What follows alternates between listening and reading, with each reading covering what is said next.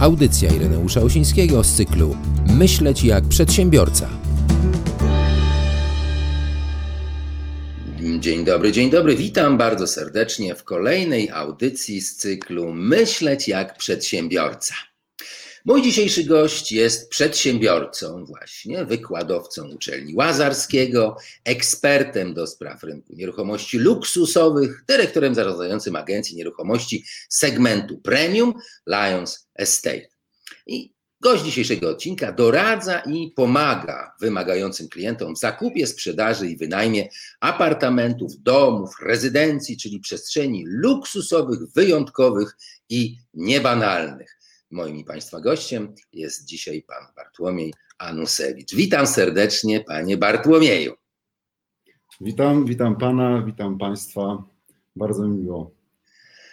E, no, dzisiaj temat taki hmm, niebanalny dość, bo e, i może ważny, ponieważ no, można zauważyć, zwłaszcza w ostatnich czasach, że Polacy nie chcą obecnie trzymać pieniędzy w bankach, i starają się lokować je w takie aktywa, które są najmniej wrażliwe na inflację.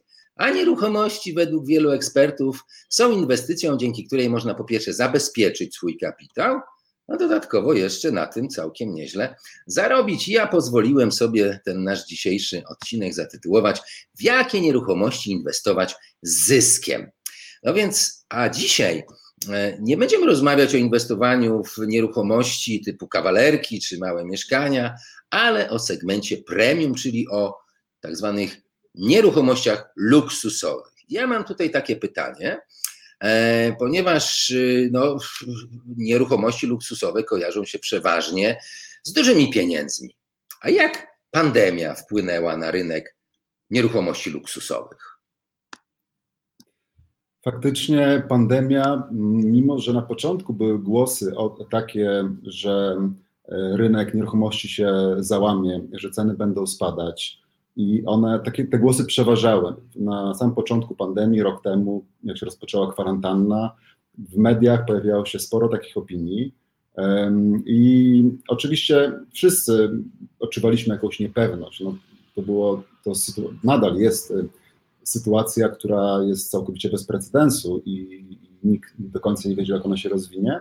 Natomiast myśmy naszym klientom od początku zalecali jak gdyby mm, powściągliwość, nieodkładanie swoich decyzji zakupowych w czasie e, i jak gdyby realizowanie tego, co planowali. I, i dzięki temu nasi klienci, e, kupując w tamtym roku nieruchomości, e, dużo na tym zyskali, bo w tym czasie nieruchomości wzrosły. I jak pokazał tamten rok, rynek nieruchomości był bardzo ożywiony, rynek nieruchomości premium zwłaszcza. Wynika to z wielu czynników. E, tak jak Pan wspomniał wcześniej, jest bardzo dużo pieniądza na rynku. Ludzie wyciągnęli e, lokaty z banków i, i ten pieniądz chcieli gdzieś ulokować. Nadal chcą go gdzieś ulokować. I tak jak, e, tak jak już rozumiemy procesy, kiedy jest niepewność, kiedy, kiedy jest niepewność na rynku, szukamy bezpiecznych przystani. Nieruchomości, a zwłaszcza nieruchomości luksusowe, w tej roli sprawdzają się wyśmienicie. Zabezpieczają wartość kapitału, tak jak Pan wspomniał, no i dają też zarobić, chociaż myślę, że dzisiaj największą motywacją właśnie jest zabezpieczenie kapitału, bardziej niż taka chęć zysku. To, to jest to, co my obserwujemy. Nasi klienci w większości kupują dla własnych potrzeb, dla siebie. E, pandemia przyspieszyła ich decyzje prawdopodobnie w wielu przypadkach. E, planowali zakup nieruchomości już od dłuższego czasu i być może to by jeszcze trwało, natomiast biorąc pod uwagę sytuację aktualną, zdecydowali, że to właśnie teraz. I, i myślę, że takie przyspieszenie decyzji e, jest, jest tym czymś, co powoduje, że tak dużo się dzieje na rynku nieruchomości, a na rynku nieruchomości luksusowych zwłaszcza. E, coś mi się wydaje, znaczy co pan o tym sądzi, bo e, mamy takiego ministra finansów, który trochę słabo mówi po polsku i on nakłaniał w ogóle przecież ludzi i chyba bogaci e, z tymi ci Polacy z zasobnymi portfelami może wzięli to sobie do serca, żeby wyciągnąć te pieniądze nie tylko i wyłącznie z materacy, jak on to pięknie powiedział, ale z banków, no bo ta inflacja, mm -hmm. wie pan, ta oficjalna e, jest tam, nie wiem, 4,5% chyba, a ta nieoficjalna to już chyba pod 12 podchodzi rocznie, a mamy pół roku dopiero, znaczy połowę roku dopiero. I może akurat właśnie te nieruchomości luksusowe są jakimś wyjściem w takiej sytuacji. A czego możemy się spodziewać w kolejnych miesiącach, skoro pan powiedział, że, że jest tak dobrze, to co, co, co nas czeka y, w, do końca mhm. roku? Znaczy, to oczywiście jest trudne pytanie i ja nie ukrywam, że mm, jakby nie czuję się komfortowo w jakichś takich spekulacjach, y, przewidywaniu przyszłości. Natomiast patrząc na, na pierwszy kwartał, który sobie podsumowaliśmy, czy już nawet teraz już praktycznie e, drugi e, będzie, za miesiąc się skończy, no widzimy w wynikach, w wynikach naszej firmy, w aktywności klientów, w ilości zgłoszeń, ogromną aktywność. Jakby ten rok zapowiada się e, dużo bardziej, e, dużo jest więcej transakcji i, i zainteresowania niż wcześniej, także możemy przewidywać, że, że ten rok będzie dalej obfitował w transakcje, w, też, też na pewno w konsekwencji wzrost cen. Tych czynników, które wpływają na wzrost cen jest wiele, i, i są nowe, też wynikające z pandemii, e, chociażby jak e, zamrożenie lub spowolnienie wydawania decyzji administracyjnych, jeśli chodzi o pozwolenie na budowę, czy inne decyzje, które są potrzebne dla deweloperem po to, żeby rozpocząć inwestycje. To wszystko jest teraz dużo trudniejsze, dużo dłużej się czeka i to też może być jeden z czynników, który wpłynie na to, że, że będzie mniej inwestycji, które się rozpoczną, w związku z tym no, te, które będą, no, no, będą bardzo pożądane i, i też mogą drożyć przez to. Także tych czynników, które wpływają na wzrost cen jest sporo, także to możemy dość bezpiecznie przewidzieć, że te ceny będą nadal rosły i obserwujemy zdecydowanie, że jest y, bardzo duża aktywność na rynku, jest wielu klientów, którzy y, poszukują i kupują nieruchomości, także no, przewidywałbym, że to się utrzyma. Te w tym roku raczej bez wątpienia. Jak dalej? No tutaj już, e, tutaj już jest ten taki teren, gdzie no mniej komfortowo. No są osoby, które lubią stawiać prognozy e, i, i, i może czują ku temu mm, jakieś tam powołanie i predyspozycje, natomiast ja obserwuję po prostu rynek i, i lubię wyciągać takie bieżące wnioski i sobie przewidywać to, co się może wydarzyć w najbliższej przyszłości, E, I w, tym roku myślę, że, że sytuacja będzie dla rynku nieruchomości bardzo pozytywna, że, że będzie duża ilość klientów, że ceny będą sobie stabilnie rosnąć. Tutaj jest jakby moje takie um, oczekiwanie tego, żeby te ceny nie rosły zbyt szybko, bo to może być już niebezpieczne i ryzykowne. I wtedy faktycznie być może będzie można mówić o jakiejś bańce, która też, to określenie się pojawia często. E, nie ukrywam, że nawet byłem, na, byłem zaproszony na wykład e, do e, kółka studentów Uniwersytetu Warszawskiego, gdzie temat był, kiedy bańka nieruchomości się skończy. I w sumie zaintrygował mnie ten tytuł, dlatego się zgodziłem, żeby tam uczestniczyć, bo chciałem tym młodym ludziom powiedzieć, że to nie jest chyba właściwa perspektywa i myślę, że aktualną sytuację na rynku, którą mamy, jest, jest zdrową sytuacją. To, to nie jest 2006-2007, e, kiedy faktycznie e, napływał do nas kapitał czysto spekulacyjny e, i, i te ceny rosły bardzo szybko. Całe szczęście to się skończyło. Ten krach, który wtedy się pojawił, to był błogosławieństwem dla, dla, dla nas, dla Polski, bo, bo ceny się zatrzymały w tym czasie, tam były w tym okresie później jakieś tam spadki, nie aż tak duże, ale były i, i to pozwoliło nam e, utrzymać jednak taką, taką taki zdrową sytuację na rynku nieruchomości w odróżnieniu od kraju, gdzie, gdzie te ceny rosły przez wiele, wiele lat e, bez, bez kontroli. E, teraz nie tak dawno dopiero wróciliśmy do tego poziomu z 2007 roku on został już przekroczony, natomiast w innych krajach ten poziom został przekroczony znacznie bardziej. Dlatego to jest dla mnie kolejny argument mówiący za tym, że, e, że sytuacja na rynku nieruchomości, mimo że oczywiście jest stymulowana przez pieniądz na rynku, przez e, inflację, przez pandemię, przez inne czynniki, to jednak jest to dość zdrowa sytuacja. W mojej ocenie i z moich obserwacji wygląda na to, że większość nieruchomości jest kupowana przez osoby, które kupują na własne potrzeby dzisiaj. I, i to, jest, to jest zdrowy proces. Ja też słyszałem ostatnio takie informacje, że Polacy coraz więcej kredytów hipotecznych biorą, e, a no, jak stopy procentowe pójdą w górę, bo mo, może być taka sytuacja, no to te mm, ich kredyty mogą e, no, przynajmniej o 50% rata pójść w górę. Ale ja rozumiem, że nieruchomości luksusowych raczej się nie kupuje chyba na kredyt. Jakie są Pańskie doświadczenia w tym obszarze? Zdecydowanie, zdecydowanie większość transakcji na rynku y, nieruchomości luksusowych są to transakcje gotówkowe. Chociaż też spotykamy się z, z osobami, które są w stanie kupić nieruchomość za gotówkę, natomiast pieniądz jest tani, kredyty są tanie i uznają, że, że na przykład w danej jakiejś tam sytuacji, w której są, jest to dla nich korzystne, żeby wziąć kredyt, mimo że, że mogliby zainwestować gotówkę. Także to jest dosyć, e, indywidualna decyzja, natomiast zdecydowana większość to są zakupy gotówkowe, e, czy też posiłkowane kredytem w jakimś tam, e, w jakimś tam, w jakiejś części. Faktycznie według danych, które banki podają, rośnie, rośnie liczba udzielanych kredytów i jednocześnie też banki w ostatnim czasie obniżyły wymagania do przydzielenia kredytów.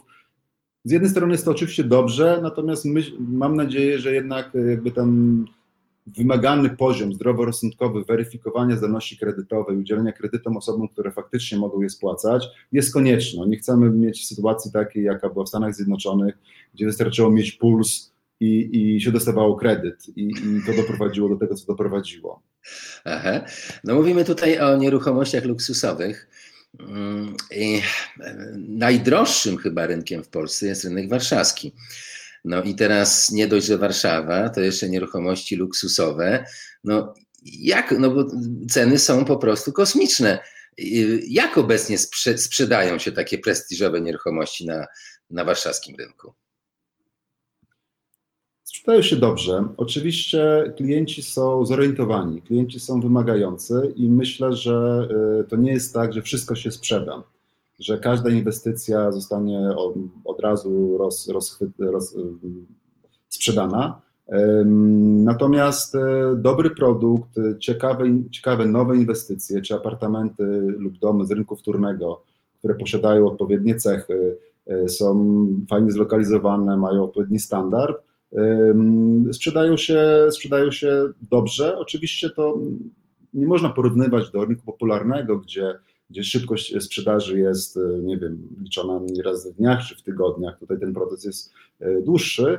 E, natomiast, natomiast myślę, że w wielu przypadkach jest większe zainteresowanie niż podaż. Są konkretne typy nieruchomości, gdzie klientów, którzy, którzy ich szukają, jest więcej niż dostępnych ofert na rynku. E, mogę tutaj wymienić chociażby duże, kilkusetmetrowe apartamenty w kamienicach, w odrestaurowanych kamienicach, e, gdzie klientów jest naprawdę sporo, a, a tego produktu jest stosunkowo mało, no bo jednak e, no pozostałości po, po wojnie, czyli nierozwiązany status prawny wielu kamienic powoduje, że mm, tak trudno jest te kamienice odrestaurowywać, nabywać je i potem robić z nich przywracać im świetność, nawet znacznie podwyższać ten standard. E, także takie nieruchomości są bardzo pożądane. E, już takim absolutnym, e, myślę, że już top of the top to są apartamenty w kamienicach na ostatnim piętrze z tarasem na dachu i widokiem na panoramę Warszawy. I, I fajne jest to, że takie nieruchomości są, że dzisiaj możemy kupić nieruchomość, która naprawdę przypomina już jakością nie wiem, Londyn, Nowy Jork, Paryż e, i to wszystko wygląda naprawdę rewelacyjnie. E, I, i to jest naprawdę dla mnie bardzo taka, daje mi to satysfakcję, że już w Polsce, w Warszawie mamy, mamy taki, taki produkt, natomiast jest to, jest to bardzo rzadkie i tutaj klientów jest zdecydowanie więcej niż ofert na rynku. No właśnie, chcia, chciałem się spytać, na jakie, znaczy jakich nieruchomości w ogóle poszukują zamożni klienci, na jakie lokalizacje w ogóle e, zamożni klienci stawiamy, stawiają. Czy to jest tylko Polska, Warszawa na przykład, jakieś dobre lokalizacje, czy może mm, zauważył Pan też zainteresowanie jakimiś nieruchomościami za granicą właśnie? Jedno i drugie. Może na początku powiem o, o Warszawie. No, jakby Warszawa ma kilka dzielnic, kilka lokalizacji, które są już historycznie uznawane jako najbardziej prestiżowe i tak jest, czyli Śródmieście z tą częścią Powiśla szczególnie, Stary Mokotów, Stary Żoliborz, Saska Kępa, to są dzielnice, gdzie ceny są najwyższe, gdzie tych ofert jakościowych e, jest stosunkowo najwięcej, natomiast jest nadal to gdzieś tam produkt taki dość deficytowy, jest więcej klientów, którzy chcą kupić niż, niż sprzedać. Coraz częściej też widzimy, że mm, pewnie też w wyniku pandemii e, część osób e, zdecydowała się na wyprowadzkę poza Warszawę E, do okolicznych i to bardzo, bardzo różnie, już nie tylko Konstancin Jeziorna, tylko też zupełnie inne lokalizacje wokół Warszawy.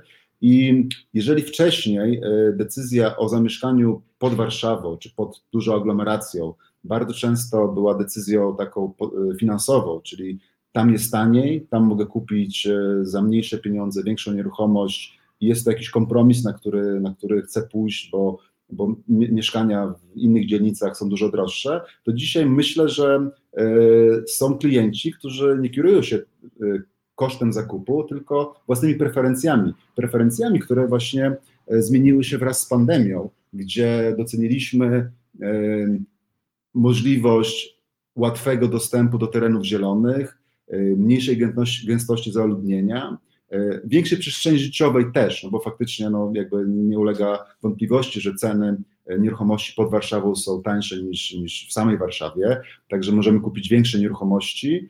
I, i ta pandemia jak gdyby uzmysłowiła ludziom, że e, jak mają już spędzać czas zamknięci w swoich mieszkaniach i, i pracować, dzieci uczyć się mieszkaniach, no to wolą, wolą już kupić nieruchomość pod Warszawą, i myślę, że, że to może się utrzymać, tak samo jak może się utrzymać e, e, praca zdalna, która, która właśnie to wszystko zmienia. Bo jeżeli ktoś dzisiaj miałby e, codziennie dojeżdżać do pracy spod Warszawy, no to, no to dlatego wybrał wcześniej mieszkanie, nie wiem, na Mokotowie czy w Śródmieściu. Natomiast jeżeli okazało się, że w większości firm praca zdalna jest możliwa, mimo że wcześniej może nie była nawet w ogóle rozpatrywana, E, no to dzisiaj można, można mieszkać gdziekolwiek i, i dojeżdżać do pracy w wybrane dni w jakimś systemie hybrydowym czy całkowicie zdalnym.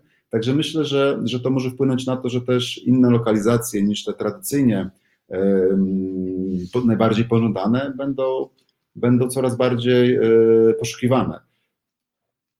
Odpowiadając na tą drugą część pytania, faktycznie yy, obserwujemy również yy, duży wzrost zainteresowania Polaków zakupami nieruchomości za granicą. Yy, I tutaj ta motywacja jest, ich jest kilka. Myślę, że, że już nie wszystko musimy sprowadzać do tego, że, że to pandemia spowodowała to, że kupujemy za granicą. Kupowaliśmy już wcześniej, jest to moim zdaniem taki naturalny rozwój.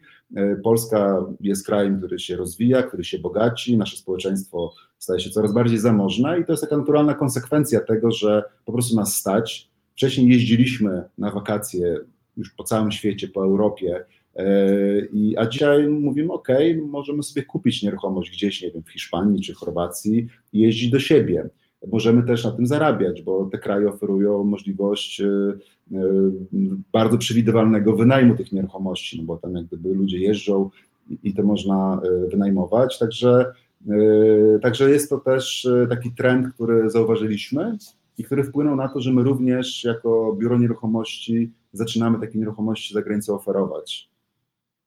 Aha.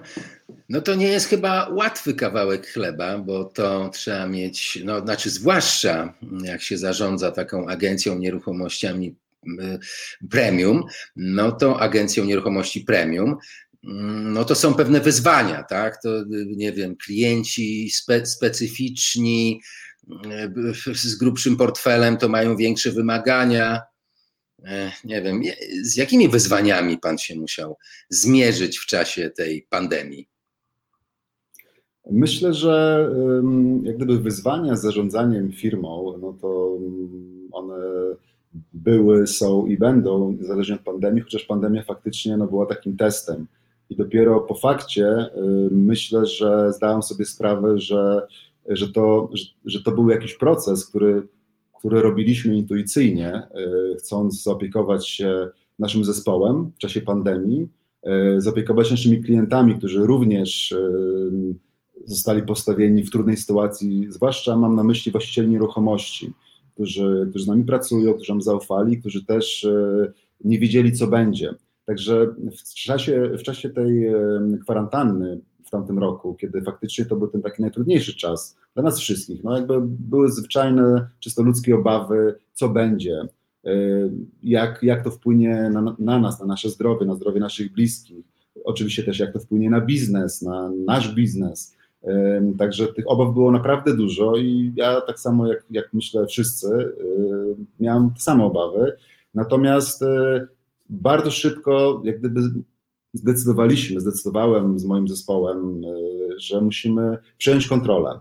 I nawet tak sobie już właśnie po fakcie, no bo nie ukrywam, że w trakcie tego wszystkiego, no to po prostu to było takie, nie chcę powiedzieć spontaniczne, ale jednak takie po prostu działanie, po prostu przejście do działania, gdzie dopiero po fakcie sobie za, zrobiłem analizę, ile rzeczy wykonaliśmy i faktycznie to, to myślę, że dość dobrze nam to poszło, bo, bo zaopiekowaliśmy się ludźmi, wprowadziliśmy różne e, działania mające na, na celu podtrzymanie kontaktu, czyli spotkania online, e, wprowadziliśmy konkretne zadania i cele, które im zlecaliśmy, żeby po prostu zająć im czas, zająć im głowę, dać im coś do zrobienia. E, ukierunkowaliśmy też część tych zadań na, na kontakt z klientami, żeby oni się odzywali do swoich klientów, żeby poza jakimś takim firmowym mass mailingiem, który też wysłaliśmy jako analiza sytuacji e, do klientów, to też prosiliśmy e, naszych doradców o to, żeby po prostu dzwonili do osób, które znają, żeby zwyczajnie rozmawiać, uspokajać, i, i, dawać jakiś feedback z tego, co, co obserwujemy, no bo powiedzmy na początku faktycznie ten rynek zamarł. Pierwsze dwa, trzy tygodnie to, to po prostu nic się nie działo.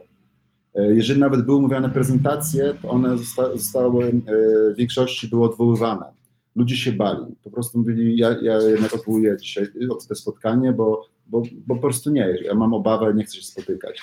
Także to był ten czas takiej niepewności. Natomiast zaraz potem zaczęło się coś dziać. Myśmy mieli kontakt z klientami, kontakt z rynkiem i chcieliśmy się tym dzielić właśnie z, z właścicielami nieruchomości, żeby dać im jakiś feedback, dać im jakąś perspektywę. Spotkania z zespołem regularne, yy, online, z całym zespołem, indywidualne spotkania z osobami, które sobie zdiagnozowaliśmy, że które wymagają więcej opieki, bo było widać, że sobie gorzej radzą z tą sytuacją. Także no, szereg, szereg yy, inicjatyw i działań po prostu mm, robionych bardzo intuicyjnie, które po fakcie, jak sobie to przeanalizowałem, pokazały, że że myśmy przyjęli kontrolę po prostu nad sytuacją, że zamiast y, przeczekać to, y, ja sobie nawet tak nazwałem, że myśmy zaatakowali w ogóle tę, całe, całą pandemię, bo, bo w tamtym roku myśmy y, podwoili zespół. Czyli to był bardzo aktywny czas. Myśmy realizowali sobie nasz plan na to, że chcemy zespół zwiększyć, bo to był nasz mm, plan, który mieliśmy zrobić od początku roku i pandemia tego nie zmieniła. Mimo, że oczywiście na początku było, były obawy, no to przeszliśmy do działania. E, bardzo ciekawy, nie ukrywam, że bardzo ciekawy okres. E, on oczywiście miał swoją cenę. Ja, ja myślę, że gdzieś tam emocjonalnie też to wszystko odreagowałem, bo poczucie odpowiedzialności za, za zespół, za ludzi było ogromne, e, ale, ale był to bardzo owocny czas, bo też skorzystaliśmy z pomocy psychologa biznesu, który nam pomógł przeorganizować naszą strukturę w firmie. Wprowadziliśmy nowe role, podzieliliśmy zespół na mniejsze, na mniejsze teamy, po to, żeby każda osoba w zespole miała lepszą opiekę niż w takim zarządzaniu um, odgórnym, gdzie jakby miałem poczucie, że mimo, że ja się staram, żeby każdemu dać, e, dać uwagę, wsparcie i pokierować go, no to to, to, to, to się nie sprawdza. Tutaj, tutaj powinny być te relacje bliższe, powinny być mniejsze, mniejsze zespoły i, I, nam się udało to wszystko zrobić. Tak naprawdę, yy, no, może powiedzieć, jak nawet skok był pod kątem organizacji i wprowadzenia różnych procesów w firmie. Już pomijając jakby sam ten, ten moment taki trudny tego zarządzania niepewnością na początku, to, to wszystkie kolejne rzeczy, które robiliśmy, były takim przyjęciem kontroli nad sytuacją i zaatakowaniem tej pandemii w sposób taki jak gdyby agresywny, można powiedzieć. I to był dla nas bardzo dobry rok pod kątem też biznesu. E, tak, słucham pana i muszę panu powiedzieć, że no jest znaczy mało takich e, szefów firm, którzy e, potrafili tak dobrze sobie poradzić z tą sytuacją i zarówno z klientami zewnętrznymi, jak i z tak zwanymi klientami wewnętrznymi, czyli zespołem. Trzeba mieć pewne cechy dobrego lidera. Ja zawsze powtarzam, że, że menadżerem robią nas, nie wiem, dyrekcja, rada nadzorcza, a liderem robią nas, tworzą nas serca i umysły ludzi. I teraz pytanie do Pana. E, czym charakteryzuje się według Pana dobry lider mm, z Pańskiej perspektywy i z perspektywy tego, co Pan przeżył, tak? Czyli tak de facto, jaki jest przepis na sukces? Hmm. E, nie mam przygotowanej odpowiedzi na, na takie pytanie. Myślę, że to, to może na to pierwsze pytanie. Czym charakteryzuje się dobry lider?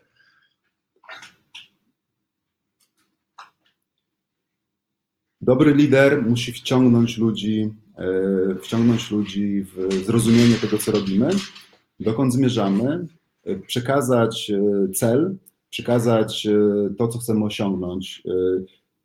Idealnie, gdyby udało, mu, gdyby udało się osobie, która przewodzi, wciągnąć ludzi we współdecydowanie w tym, y, co chcemy osiągnąć, bo wtedy ta identyfikacja jest znacznie większa i ona jest niezbędna, żeby, żeby realizować cele, żeby realizować misję firmy. Myślę, że dobry lider musi wyważyć, y, znaczy musi słuchać ludzi, musi uwzględniać ich zdanie, ale musi gdzieś tam wyważyć y, mm, gdzieś granice pomiędzy mm, koncentrowaniem się na tym, a na realizacji tego, co jest do zrobienia bo, bo jednak e, zespoły zawsze są bardzo złożone. U nas w firmie robimy wszystkim testy na testy kompetencyjne pod kątem kolorów. Nie wiem, czy pan, czy pan zna to klasyfikację czerwony, żółty, zielony, niebieski.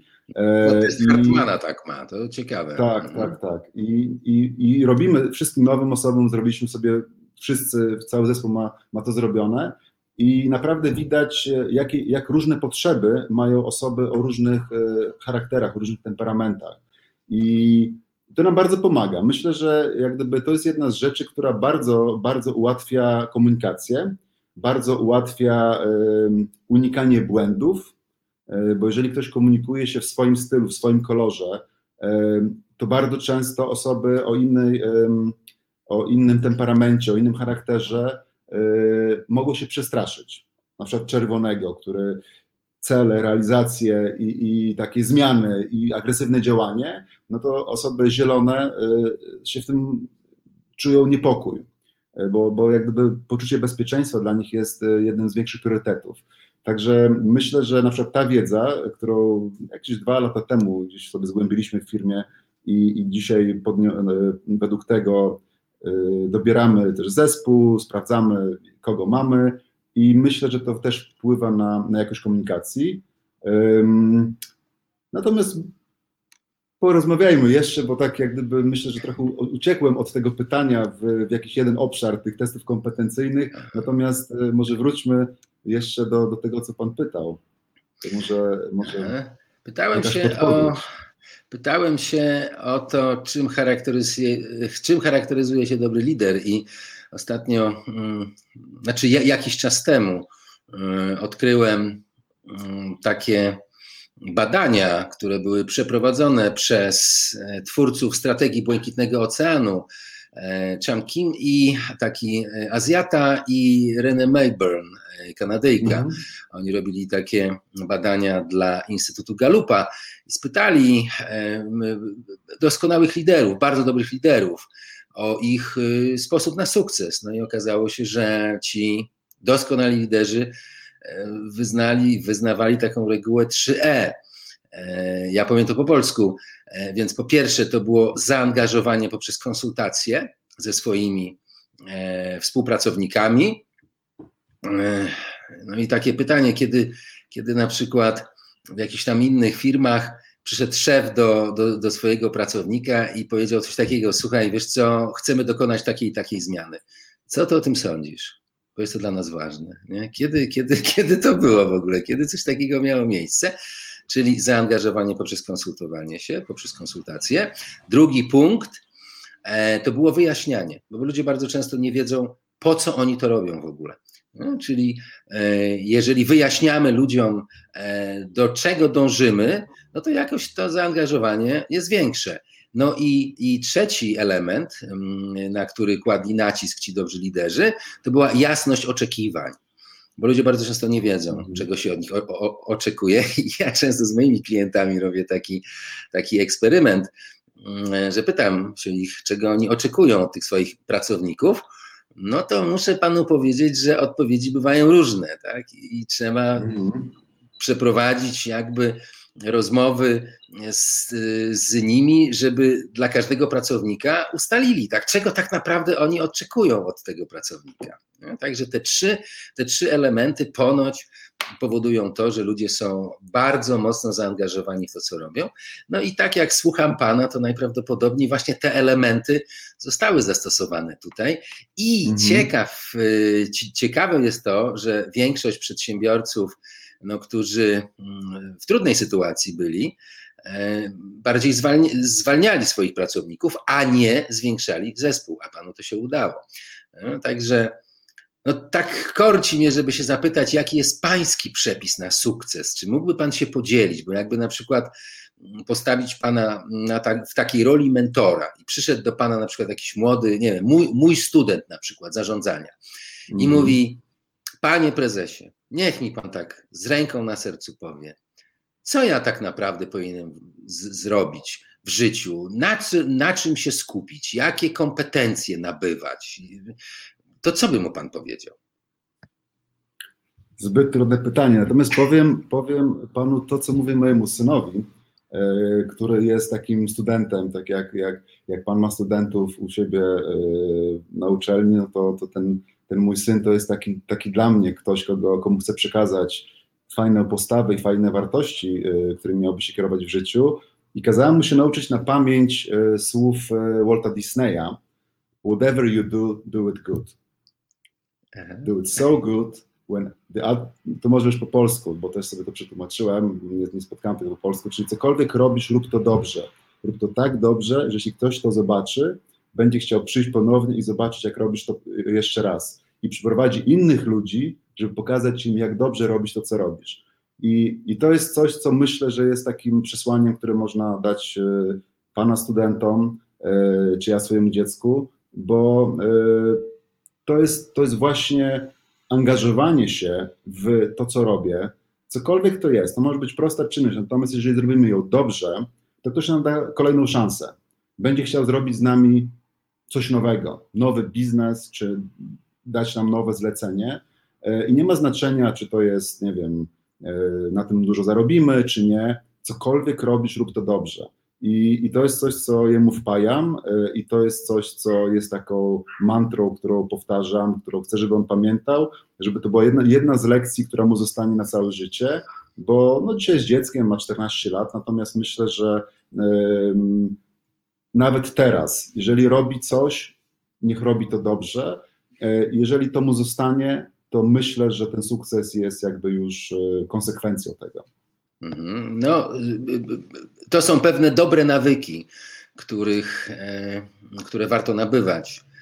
E, jeszcze Brian Tracy powiedział kiedyś coś takiego, że rób trochę więcej niż od ciebie wymagają. I tym się będziesz różnił od innych ludzi. Rób po prostu trochę więcej. Tak? I, I to się tyczy i ludzi, którzy pracują gdzieś i, e, e, i też przedsiębiorców, którzy pracują dla klientów swoich. Rób trochę więcej niż od ciebie wymagają. Panie Bartku, bardzo dziękuję. Bardzo, bardzo fajna myśl. bardzo dziękuję za to spotkanie.